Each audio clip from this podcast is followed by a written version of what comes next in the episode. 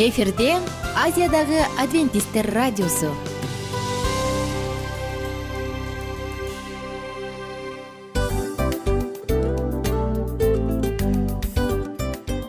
Достор салют. Баардык сүйүктүү угармандарыбызга салам айтабыз. Кутман күнүңүздөр менен. Ден соолук өмүрдүн булагы демекчи саламат саамы программасында баарыңыздарды көргөнүбүзгө абдан кубанычтабыз. Анда алгач амандашып өтөлү арбаңыздар деп ден соолугуңуздар кандай элибизде көбүнчө ден соолук кандай дегенде эле жакшы деп жооп беребиз э? ооруп турсак дагы жакшы дейбиз. Анан мен муну айтып ойлойт элем бул абдан сонун сөз депчи анткени бул жакшы деген үмүт да ооба баары жакшы болот баары сонун. Деп үмүттөнүп атып эле өзүбүздү өзүбүз дарылап коебуз. Анысы кандай? Сиздин дагы ден соолугуңуз жакшы беш деген үмүттөбүз чындыгында ден соолук бул өмүрдүн булагы деп бекеринен айтылган эмес деп ойлойм. Кыргыз элинде анткени эгерде ден соолук жок болсо анда адамдын жашоосунда калган баардык керектүү маңыздуу нерселер өзүнүн баалуулугун жоготуп коет. Ошондуктан ден соолук бул эң керектүү нерсе. Ооба туура айтасың кесиптешим. Чынында ден соолугуң жок бир эки үч күн ооруп калсаң эле э кандай болуп калат? Жашоодо көз каранды болуп каласың а, көп нерсеге жетишпей каласың көп нерсени кыла албай каласың жада калса эшикке дүкөнгө да чыга албай каласың. Туп туура анан ден соолук болсо демек биз биздин бактыбыз туудай деп койсок болот. Анда достор саламат саамы рубрикабызды баштайлы. Алдыда өзүңүзгө керектүү болгон сонун кеңештерди уга аласыздар. Мына ошондуктан биз менен бирге болуңуздар. Ал эми биз болсо милан жана айнура. Кеттик алга. Алга саламат саама ден соолуктун жарчысы. Саламат саама ден соолуктун ачкычы. Күн сайын сиз үчүн мыкты кеңештер сонун жаңылыктар кызыктуу фактылар биздин рубрикада.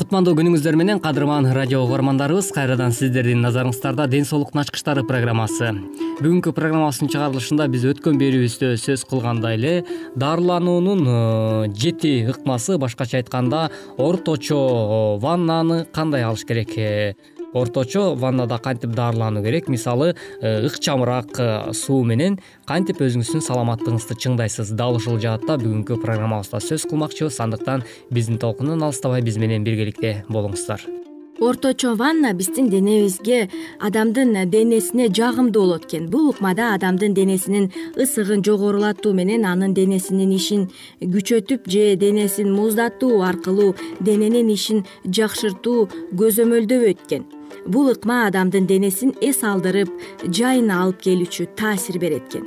Жана ошондой эле бул жаатта багыты жана таасирлери кандай болот? Ушул туурасында дагы сүйлөшөлү биринчиден денени эс алдырып жайына алып келет. Экинчисинде нерв түзүлүштөрүн тынчтандырат. Үчүнчүдө жүрөк кан тамыры ооруларынан жапа чеккен жана анын кесепетинен ысык муздак ыкмаларга чыдай албай калган адамдардын денесин эс алдырып жай абалга келтирет экен пайдалуу жактары кандай болду экен? Биринчиден дененин тазалануусуна пайдалуу экен. Уйку качканга жардам берет экен. Мисалы биз уктай албай жатсак мээлүүн ваннага түшүп денебизди эс алдырсак дагы э, жакшы тынч уктап калат экенбиз. Ооба сөзсүз түрдө кандайдыр бир дене табыңызда ушул алсыздыктар болуп э, кыйналып аткан учурда мүмкүн э, чарчаңкы сезген учурларда мына ушундай жылымык ваннага түшүп демек жатсаңыз дароо эле уйкуңуз дагы жакшы канганга бир жакшы жардамдарын тийгизген болот экен. Андыктан бул ыкманы дагы дайыма колдонсоңуз сизге баягы көп учурда баягы мүмкүн иш үстүндө кыйналган учурлар болот мүмкүн күнү түнү кайталанган иштер ушундай убакыттарда убакыт таба калып ушул көнүгүүнү аткарган болсоңуз анда өзүңүзгө эле жана ден соолугуңузга дагы абдан жакшы таасирин тийгизет экен мисалы нервтенип абдан чарчап турсаңыз анда бул ыкма аябай пайдасы зор экен. Адамдын коркуп же чочуп калганда жана бир нерседен күчтүү кооптонуп жатканда дагы мээлүүн ваннага түшүү дагы бул аябай пайдасы күч экен өтүшүп кеткен диареяда мисалы ич өткөктөн жакшы жардам берет экен полиневритке нервтердин көбүнө суук тийгенде пайдалуу экен жүрөк жана кан тамырлардын ооруганда ысык же муздак ыкмаларды колдонууга болбогон учурда кант диабети менен же атеросклероз менен ооруганда оң таасирин берет экен. Ооба жогоруда кесиптешим айтып өткөндөй эле ушул жогоруда ич өткөк туурасында дагы баса белгилеп өттү. Мисалы ушул мээлүүн ваннада суу алуудан сырткары дагы ошо менен кошумча эле биргеликте адистер дагы мындай кеңештерди берип келет экен бүгүнкү күндө. Мисалы ошондой бир кыйынчылык абал болуп атканда жанагындай ич өткөк оорусуна дуушар болгон учурда мээлүүн ваннаны алып андан соң баягы жаңгактын жалбырагынан кайнатылган суусундукту дагы ичкен болсоңуз сиздин дартыңызга эң жакшы бир даба болот экен албетте терс жана сактануу жолдору экземанын түрлөрү менен ооруган адамга бул ыкма таптакыр эле болбойт экен. Экинчисинен жүрөктүн иштешинин жетишпештиги күчтүү болсо жүрөк оорусунда такыр эле тыюу салынат экен. Ошондой эле маанилүү эскертүү жактары биринчиден суунун ысыгы отуз төрт жарым градустан отуз алты градуска чейин аралыгында адамдын ден соолугунун абалына э, жыл мезгилине жана бөлмөнүн жылуулугуна байланыштуу болушу керек. Адам мындай ваннага төрт саат өткөндөн кийин анын денесин ланолиндүү крем менен сүртүп коюңуз мисалы төрт саат ушундай ваннада жатсаң кандай ырахат аласың э? э кандай гана сонун чындап эле мен дагы ушундай ваннада э, кандайдыр бир көнүгүүлөрдү жасагым келип кетти. Себеп дегенде бул дагы биздин саламаттыгыбызга чоң бир жакшы э, таасирлерин тийгизет болуш керек менимче. Ал эми керектелүүчү нерселер кандай болду экен? Ушул туурасында дагы сүйлөшөлү биринчиден ваннадагы суунун жылуулугун текшерүү үчүн термометр. Экинчиден эгер зарыл болсо сууну жакшы сиңирген сүлгү же мончо сүлгүсү. Үчүнчүсү э, эки шейшеп жана башы суу болбош үчүн сууга түшүүчү баш кийим. Башынын ыңгайлуу э, кылып коюу үчүн үйлөнө турган жаздык же атайын э, бүктөлгөн сүлгүнү алып алсаңыз дагы эң сонун болот ооба сүлгүлөр туурасында дагы кеп болуп кетти. Андыктан сүлгүлөрдү сөзсүз түрдө колдонууну аракет кылыңыз. Э, дарылануу ыкмалары кандай болду экен? Дал ушул туурасында дагы сөз кылалы эгерде ваннанын узундугу буту толугу менен сууга ыңгайсыз болсо тизелерди бүгүп алса болот. Биринчиден адамга ваннага кирүүгө жардам бериңиз. Отургузуп анын э, кежигесине э, үйлөнө турган э, жаздыкты же атайын бүктөлгөн сүлгүнү коюп бериңиз. Суудан сыртка чыгып турган дене бөлүктөрүн сүлгү менен жаап ваннанын үстүнөн шейшеп жаап койсоңуз дагы болот экен адамга тынч жатып эс алууну өтүнүңүз. Эгер зарыл болсо анын чекесине муздак компресс коюп койсоңуз болот. Суунун жылуулугун бир калыпта сактаңыз. Адамды ваннага жалгыз калтырбай дайыма жанында болуңуз аны менен сүйлөшпөңүз. Ага тынчтануу керек. Бул ыкманын узактыгы он беш мүнөттөн төрт саатка чейин мүмкүн болот экен. Ыкма соңуна чыкканда адамды ваннадан чыгуусуна жардам бериңиз. Адамдын денесинин катуу сүртпөй сүлгү менен денесин нымдап сиңирип жумшак сүрүп кургатыңыз. Эгер э, зарылчылыгы пайда болсо анда ага кийинүүгө жардам бериңиз аягында анын тынч абалын отуз мүнөткө эс алууга да мүмкүнчүлүк бериңиз ооба сөзсүз түрдө мындай э, баягы оорулар менен чалдыккан инсандарга сиз кам көрүп жаткан учуруңузда сөзсүз түрдө э, анын дагы э, эмоционалдык абалдарын жөнгө салууга жардам бергениңиз абдан жемиштүү натыйжасын берет экен. Андыктан бул учурда аны менен сүйлөшүп же кандайдыр бир көйгөйлөрдү айтуунун ордуна тескерисинче унчукпай эле анын оорусуна сиз дем күч бериш үчүн унчукпастан аны жөн эле эс алуусуна жардам берген болсоңуз анда бул дагы жакшы жактарын кайтарат экен.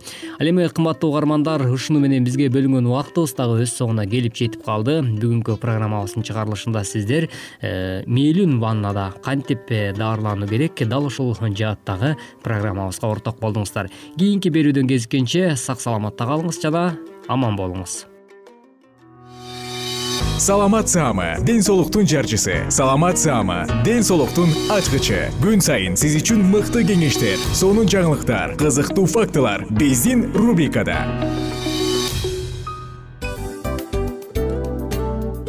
Салют замандаштар баарыңыздарга ысык салам. Дил маек программабызга кош келиңиздер. Дил маек рубрикасы дегенде эле бул эмне болгон дил маек ким менен маектешебиз деп сурайт болуш керек угармандарыбыз бул рубриканы кыскача тааныштыра кетип турган болсок ар тарап кесип ээлеринен болгон сонун интервью кеңештер бар. Ооба. жылдыздар менен болгон маек бар аталарыбыздын агаларыбыздын чоң аталарыбыздан сонун кеңештер бар. Ошондой эле эже сиңдилердин кеңештери бар. Айтор баардык кызыктардын баары алдыда. Негизи эле адам баласы бир кимдир бирөөнө ишенип сырын ачкысы келет эмеспи э мындай баарлашууга жакын келебиз го? Албетте негизи бир жерге отуруп алып кенен шашпай баягы жүрөктөн жүрөккө ачып сырларыбызды ар кандай көйгөйлөрүбүз менен бөлүшүп баягы чын жүрөктөн маек курганды кимибиз сүйбөйбүз э? Ооба десең ал нерсеге суусап да келебиз да. Ооба кээ бирде адамга чындыгында баягы э, ысык маек баягы жылуу маек жетишпейт да. Ошондуктан биз ушул рубриканы ойлоп тапканыбызда эң биринчи эле достор сиздер менен чын жүрөктөн бир маңыздуу темаларды козгоп кеткени э, кааладык. Ошондуктан ушундай сонун бир рубриканы тартуулап жатабыз. Анын үстүнө радио дагы сонун дос да. Анткени э, мындай учурда досуңа айтсаң досуң досуна айтат досу досуна айтат да анан бүт өлкө билип калышы мүмкүн го. А радио болсо сени сатпаган сенин айыбыңды ачпаган сенин сырыңды эч кимге айтпаган сонун дос мына ошондуктан биздин алдыдагы айта турган кеңештерибизди биздин досторубуздун кеңештерин угуп анан ал жака пикириңизди дагы калтырып кайрадан биз менен байланышсаңыздар болот.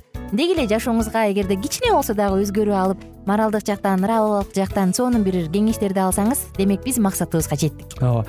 Чыңгыз атабыз улуу жазуучу э, чыңгыз айтматов айткандай адам болуу бул күнүмдүк процесс экен.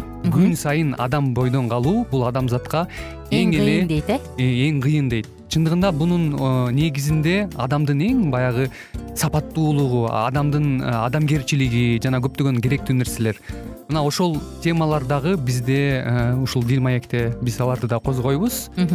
Ден соолук жөнүндө да сүйлөшөбүз. Сөзсүз түрдө. Анан милан мырза негизи айтып коюшат го? Биз көбүнчө эмнени ойлонсок? Ошол нерсеге карата иш кылабыз го? Ооба. Анан анысы кандай? Балким бул радио баракчада кимдир бирөөнүн оюн текшергенге жардам берет кимдир бирөөнүн жүрөгүн текшергенге жардам берет. Балким кимдир бирөөгө жашоонун маңызын тапканга жардам берет айтор кызыктын баары алдыда бул жөн гана кыскача жарнама анда угармандарыбыздын баардыгын кийинки рубрикабызга чакырабыз. Ал эми кызматта маңдайымда отурган кесиптешим милан жана мен айнура. Анда эмесе биз даярдаган терең терең ойлор менен таанышууга кеттик. Алыс алыс баралык. Анда эмесе достор биз менен бирге болуңуздар. Алдыда эң кызыктуу маалыматтардын баардыгы бир нече мүнөттөр бою жалгыз гана сизге арналат. Мына ошондуктан жакшы маанай менен угууну каалайбыз үн алышканча. Жөнөдүк ар түрдүү ардактуу кесип ээлеринен алтын сөздөр жүрөк ачышкан сыр чачышкан сонун маек дил маек рубрикасында.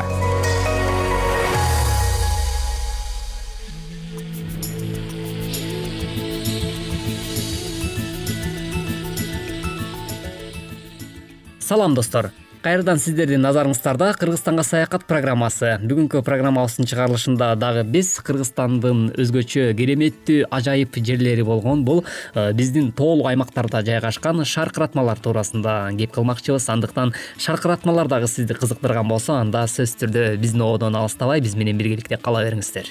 Шаркыратма дарыянын нугу чулуу тектерди кесип өткөн жеринде бийик кашатты пайда кылып суусу тике ылдый агып түшкөн жер эгерде кашат тик эмес айдөөшүрөөк болсо шаарлар же босоголор пайда болот.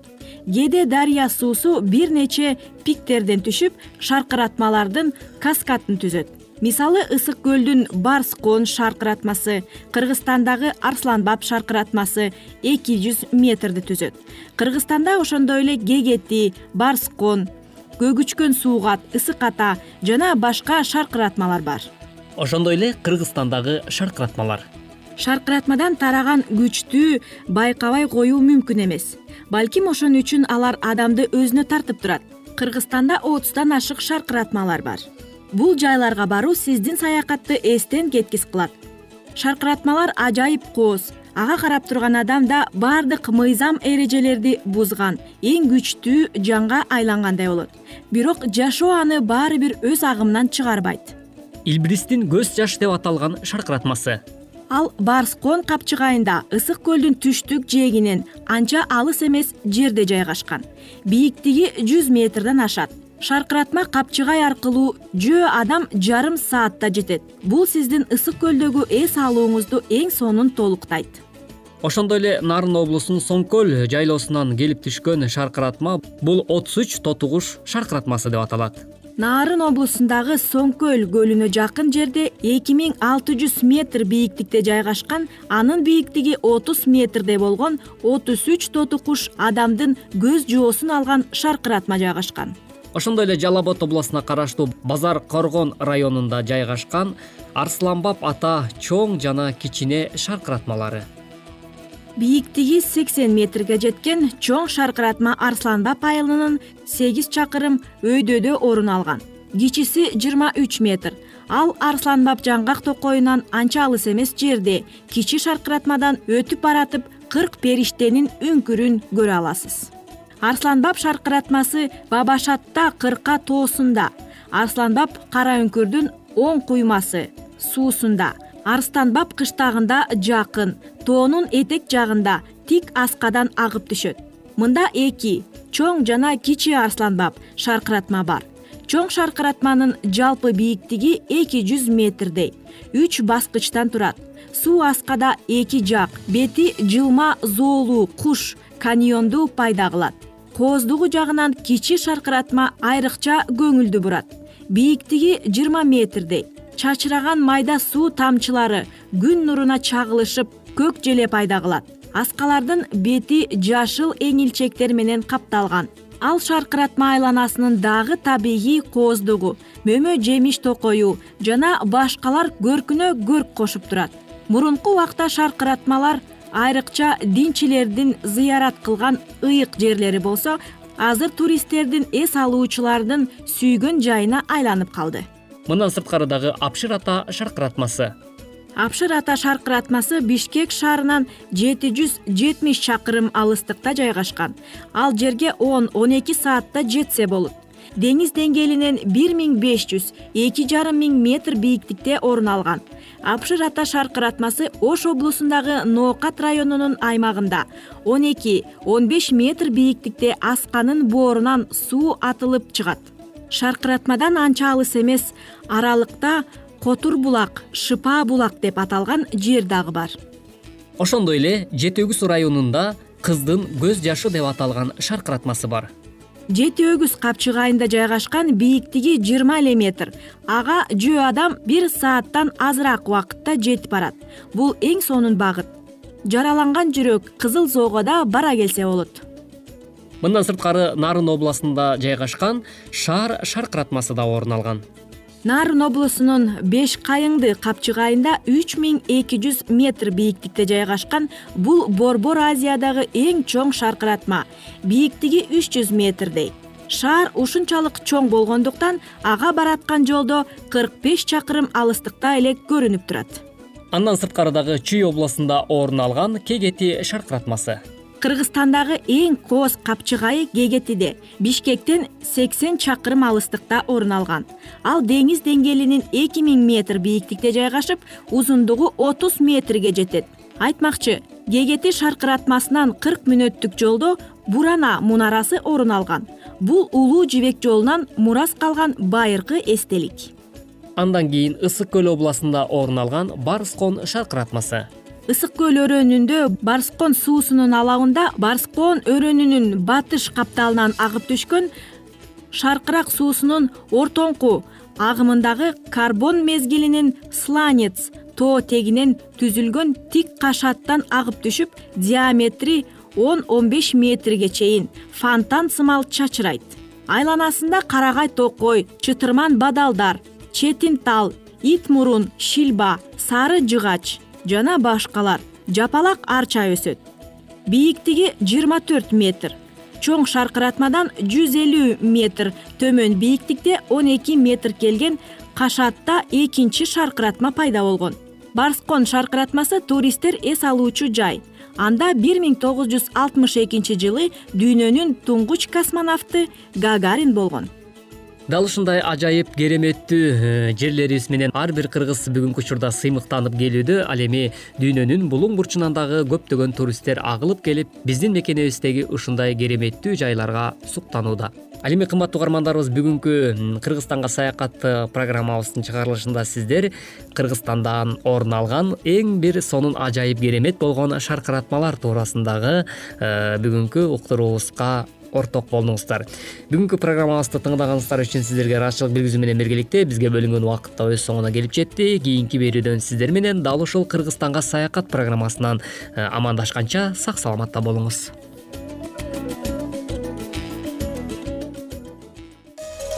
Ар түрдүү ардактуу кесип ээлеринен алтын сөздөр жүрөк ачышкан сыр чачышкан сонун маек дил маек рубрикасында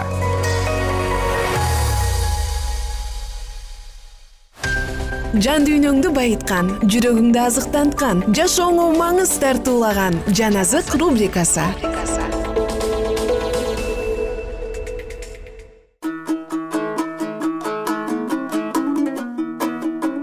Салам достор салам угармандар. Жалпы биздин сүйүктүү угармандарыбызга замандаштарыбызга салам айтабыз. Сиздер менен бирге улуу күрөш китебин бирге тыңдайбыз эгерде адвентисттердин катарына бир нече фанатиктер кошула турган болсо анда бул кудайдан эмес деп ойлоонун кажети жок. Анткени павлдын жана лютердин мезгилдеринде дагы фанатиктердин болуусу алардын ишин кыскарта алган эмес. Ошондуктан кудай эли уйкусунан ойгонуп тобо келтирүү жана реформа ишине киришүүсү зарыл. Чындыктын машаякта кандай экендигин билиш үчүн ыйык жазууларды изилдөөгө киришсин өздөрүн толугу менен кудайга арнашсын. Ошондо шайтан баштагысындай эле сергек жана аракетчил душман экендигин билүүгө далилсиз жана кемчиликсиз калышпайт. Бардык айым айла амалын колдонуш менен ал өз күчүн көрсөтүп өз падышачылыгындагы жыгылган периштелеринин бардыгын чакырат. Фанатизмдин жана бөлүнүп жарылуунун көрүнүүсү машаяктын экинчи келиши жөнүндөгү кабардан эле башталган жок ал бир миң сегиз жүз кырк төртүнчү жылы жайында адвентисттер эмне кылаарын билишпей күмөн санап турганда башталган. Биринчи периштенин кабары жана түн ичиндеги кыйкырык фанатизмдин жана бөлүнүүнүн күчтөрүн кармап турган. Бул салтанаттуу кыймылдын катышуучулары бир ниетте болушкан. Алардын жүрөктөрү өз жакындарына жана жакында көрүүгө үмүттөнүшкөн ыйсага болгон сүйүүгө толуп турган. Ишенимдеги жана кастарлап күтүүдөгү биримдик аларды ар бир карама каршы таасирден сактап турган жана шайтандын соккуларына коргонуч болгон. Жана күйөө кечигип баары үргүлөшүп жана уктап кетишти. Бирок түн жарымында мына күйөө келе жатат аны тосуш үчүн чыккыла деген кыйкырык угулду. Ошондо берке кыздардын баары турушуп өз чырактарына май куюшту. эки миң үч жүз күндүк пайгамбарлыктагы мезгил бир миң сегиз жүз кырк төртүнчү жылдын күзүндө аяктамак. Жана бул мезгил аяктаганда жазуу боюнча мына күйөө келе жатат деген кабар жарыя кылынган. Артаксеркстин иерусалимди калыбына келтирүү буйругу биздин доорго чейинки төрт жүз элүү жетинчи жылы чыкканда ошол жылдын жазында эмес күзүндө буйрук күчүнө кирген жана төрт жүз элүү жетинчи жылдын күзүнөн баштап эсептей турган болсок эки миң үч жүз жыл бир миң сегиз жүз кырк төртүнчү жылдын күзүндө аяктамак. Байыркы осуяттагы көрсөтмөлөр дагы жазууда айтылган касиеттүү жайдын тазалануусу күзүндө аткарылуусу керек болчу. Машаяктын биринчи келишине тийиштүү болгон көрсөтмөлөрдүн аткарылгандыгынан бул суроолор баштагыдан дагы ачык жана белгилүү болуп калды пасах курмандык козусун курмандыкка чалуу ыйса машаяктын өлүмүнүн көлөкөсү болгон. Элчи пабыл мындай дейт. Анткени биздин пасак биз үчүн курмандыкка чалынган машаяк биринчи корунтуктар бешинчи бап жетинчи аятта жазылган. Теңирге алынып келинген биринчи түшүмдүн таңгагын силкилдетүү машаяктын тирилишинин белгиси болуп эсептелет машаяктын жана анын элинин бардыгынын тирилиши жөнүндө элчи павыл мындай деп жазган. Биринчи машаяк. Андан кийин ал келгенде машаякка таандыктар. Биринчи корунтуктар он бешинчи бап жыйырма үчүнчү аят. Жыйын башталардын алдында биринчи бышкан таңгакты алып силкилдеткен сыяктуу куткарылгандардын тирилишинде кудайдын кампасына алынып келе тургандардын биринчиси машаяк болуп эсептелинет. Бул белгилер болуусу менен эле эмес мезгилдери менен дагы так аткарылган. Иудейлердин биринчи айынын он төртүнчү күнү он беш кылым аралыгында пасхага арналган курмандык козусу союлуп турган машаяк дагы өз окуучулары менен пасханы өткөрүү менен кече тамак эрежесин калтырган. Жана бул дүйнөнүн күнөөсүн өзүнө жүктөп алган кудайдын курмандык козусу катары анын өлүмүнүн символу болмок. Ошол эле түнү ал адилетсиз адамдар аркылуу колго түшүрүлүп керилген жана өлтүрүлгөн. Жана эгин таңгагынын силкилдетүү символу катары машаяк үчүнчү күнү өлгөндөн кайра тирилге жана өлгөндөрдүн биринчиси тириле турган адилеттүүлөрдүн башкысы катары биздин кордолгон денебизди анын даңктуу денесине ылайыктуу өзгөртөт экинчи келүүгө тийиштүү болгон символдуу кызматтар дагы баштагыдай эле өз учурунда аткарылып иш жүзүнө ашмак. Мусанын мыйзамы боюнча касиеттүү жайдын тазаланышы же куткарылып алуучу улуу күн иудейлердин жетинчи айынын онунчу күнү болуп турган болчу. Улуу дин кызматчы түгөл израиль үчүн куткарып алуу кызматын өткөргөндөн кийин касиеттүү жайды иудейлердин күнөөлөрүнөн тазалап калайык калктын алдына чыгып жана аларды алкыштаган. Ушул сыяктуу эле машаяк дагы күнөөлөрдү жана күнөөкөрлөрдү жок кылуу үчүн жер үстүн тазалап өз элине өлбөй турган түбөлүктүү өмүр тартуу кылат дешип миллериттер дагы эсептешкен. Жетинчи айдын онунчу күнү улуу куткарылуу күнү касиеттүү жайды тазалоо убактысы. Бир миң сегиз жүз кырк төртүнчү жылы бул күн жыйырма экинчи октябрда болуп өткөн теңирдин келиши ушул күнү белгиленген болчу. Бул башта эсептелген келүү күзүндө болот деген күнгө дал келген.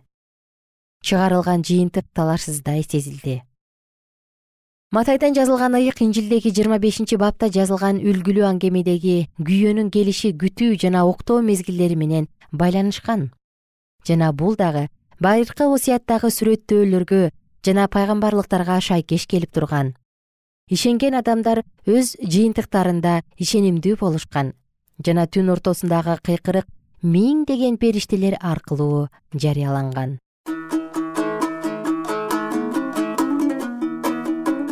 Кадырман замандаш ардактуу угарман кымбаттуу досум сиздер менен бүгүн дагы улуу күрөш китебинен эң сонун саптарды окуп өттүк.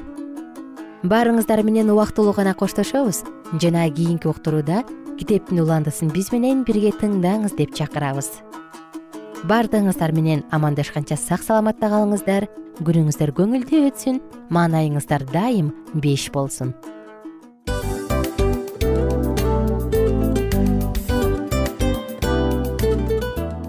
Ушул менен достор программабыздын уктуруубуздун эң кайгылуу мөөнөтүнө келип жеттик кайгылуу дегенде ыйлагым келип кетти кесиптеш. Кадимкидей. Анткени баягы учурашасың анан коштошуу учур келгенде ии кантип ии эми бат баттан келиптир э сагындырбай деп атып араң коштошобуз го анысы кандай угармандарыбыз менен коштошчу учур келди кийинки уктурууларды сагыныч менен жүрөгүбүздө кусалык менен күтөбүз жалпыңыздарды анан жарым сааттык уктуруу көз ачышым өтүп кетти.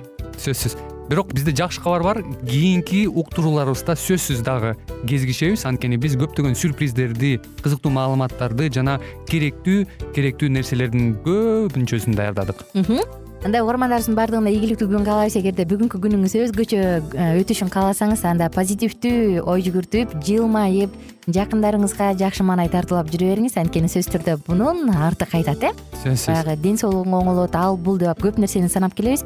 Эң негизгиси бул сиздин жашооңузду жаркын кыла түшөт экен. Жараткан кудай ар бирөөңүздөргө батасын берсин жашооңуз ийгиликтүү болсун сак саламатта калыңыздар деп мен милан жана кесиптешим айнура.